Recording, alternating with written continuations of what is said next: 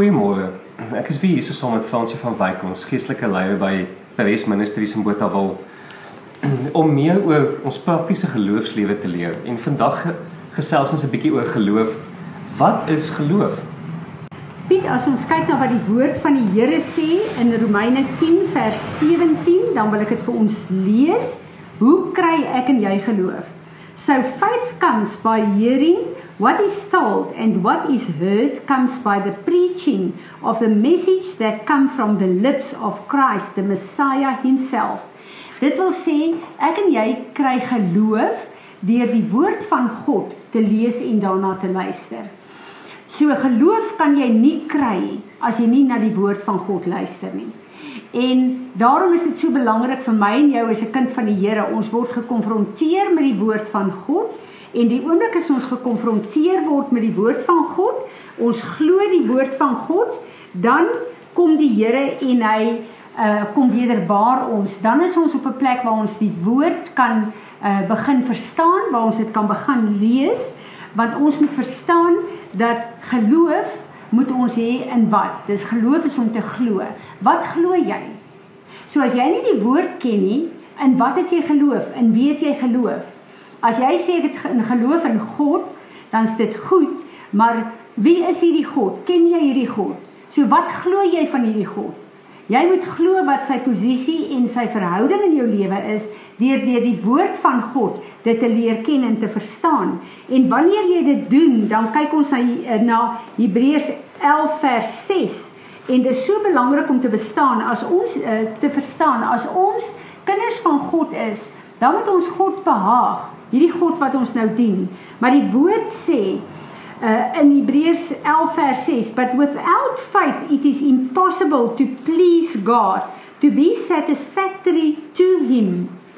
For whoever would come near God must necessarily believe that God exists and that he is the rewarder of those who earnestly and diligently seek him out.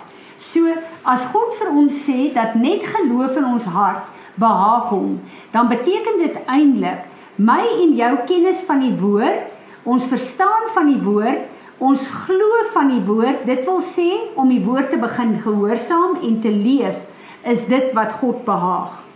En as ek en jy kyk na uh hoe groot is ons geloof? Want ons lees gedeeltes in die woord waar Jesus die disippels geleer het en ons dink spesifiek aan hierdie storm wat op die see was en die disippels het vir uh, Jesus gevra uh, uh, uh, uh, onder mekaar gepraat en gesê dat hy uh, praat en die natuur onderwerp hulle aan hom want die storm het stil ge, uh, geword. Toe sê hy vir hulle: "Julle klein gelowiges." So as ons daarna kyk dan weet ons dat geloof het verskillende dimensies. Dan is dit so belangrik om te kyk na wat die Here vir ons sê in uh Romeine dat el, uh, Romeine uh, 10 vers 9 ehm um, waar die Here vir ons sê dat elkeen van ons het 'n mate van geloof gekry. En uh, hierdie mate beteken net dat uh, ek en jy het 'n mate gekry uh om Jesus te kan aanneem. So ek en jy hoor die woord En dan besluit ons gaan ons dit glo of nie. Die oomblik as ons dit glo, dan kry ons die mate van geloof om Jesus aan te neem as ons persoonlike verlosser en uh om dan ehm uh, uh uh wedergebore te kan word. So dis die mate wat elkeen van ons kry. Ek wil graag vir ons bid op hierdie plek.